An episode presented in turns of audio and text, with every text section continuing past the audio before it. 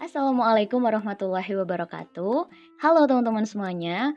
Nah, pastinya kalian udah pada tahu dong kalau beberapa bulan ini kita lagi sama-sama menghadapi yang namanya wabah pandemik corona atau COVID-19.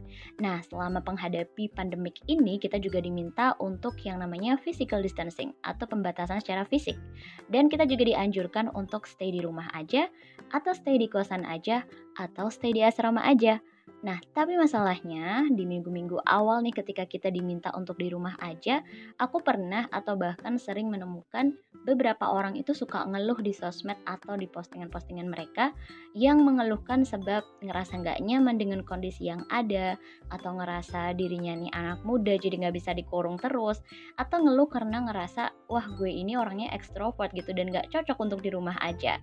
Dan juga keluhan-keluhan semacamnya. Yang pada endingnya kita justru malah jadi nyalahin keadaan gitu. Nah, padahal nih kalau menurut aku pribadi, kita sebetulnya nggak perlu loh buat ngeluh-ngeluh kayak gitu, apalagi sampai nyalahin keadaan. Sebab ini semua tuh cuma soal waktu aja. Perasaan nyaman itu kan karena emang kita belum terbiasa, karena ini semua bukan rutinitas kita sebelumnya. Nah, daripada waktu kita habis buat ngeluh sana sini, terus malah jadi nyalahin keadaan, mending kita habiskan waktu kita dengan ngelakuin hal-hal yang positif setiap harinya. Soalnya nih, masa-masa yang kayak gini sebetulnya adalah masa-masa yang paling tepat buat kita mulai mengatur ulang waktu kita dan juga mengatur ulang pola hidup kita menjadi lebih baik dari hari kemarin tentunya. Karena di masa-masa yang kayak gini juga sebetulnya kita jadi lebih leluasa dan punya kontrol penuh buat mengatur waktu kita sendiri. Nah, jadi mau kalian tipikal orang yang ekstrovert kah? Atau tipikal orang yang introvert kah? Atau jenis manusia lainnya, kita semua punya opsi yang sama untuk memanfaatkan 24 jam waktu kita untuk diisi dengan hal-hal yang positif dan perlahan bisa membuat kita menjadi pribadi yang produktif selama menghadapi pandemik ini. Nah, di video podcast aku hari ini, aku mau sharing ke teman-teman semua apa aja sih hal-hal positif yang bisa kita lakukan selama pandemik ini. Dan tentunya bisa bikin kita jadi pribadi yang lebih produktif setiap harinya. Eits, tapi tunggu dulu, sebelum kita lanjut, aku mau coba kasih tahu dulu nih dari awal, biar nanti kita nggak salah paham aku mau ngasih tahu bahwa yang disebut produktif itu sebetulnya bukan berarti kita kerja nonstop ya. Jadi yang maksud aku produktif itu adalah kita juga butuh istirahat juga gitu. Karena bagaimanapun otak kita itu bisa berfungsi maksimal ketika kita ngasih jeda buat kita bisa beristirahat ya dengan melakukan hal-hal lain di luar tuntutan pekerjaan kita. Jadi kita juga harus nih memastikan bahwa kita juga ngelakuin hal-hal lain di tengah kesibukan atau kewajiban kita untuk kuliah, sekolah, atau bahkan pekerjaan.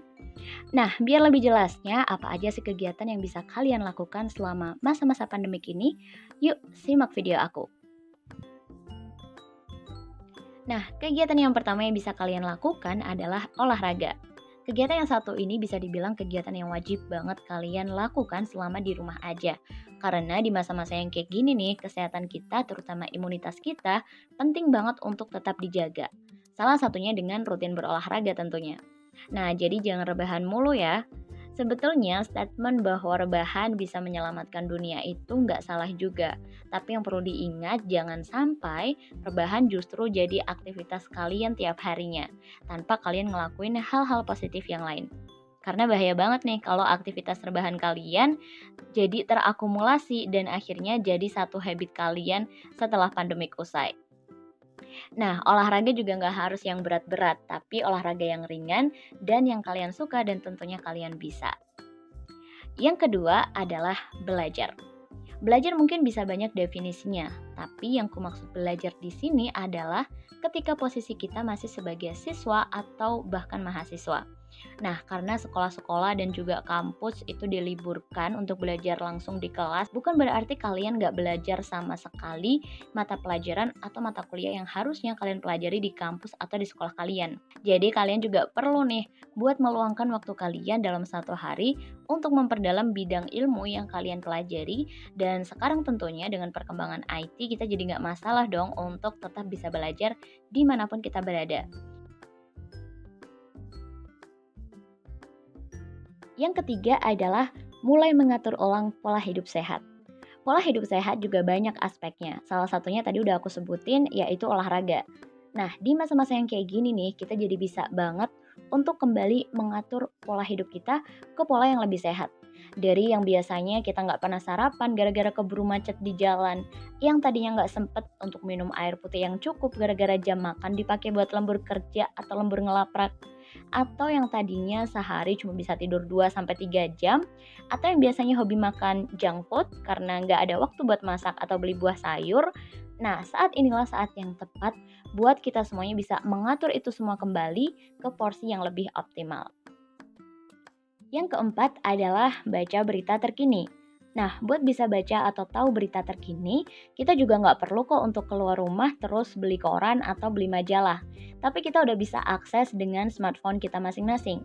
Nah, update berita terbaru ini, baik berita lokal, nasional, atau bahkan berita internasional, itu penting banget buat kalian lakukan. Jangan sampai nih ketika physical distancing ini kelar, kita serasa jadi manusia yang nggak tahu apa-apa soal dunia di sekitar kita. Jangan sampai ketika ketemu teman atau ditanya dosen tentang isu-isu yang berlangsung selama pandemik, kita jadi nggak tahu apa-apa dan nggak tahu mau jawab apa.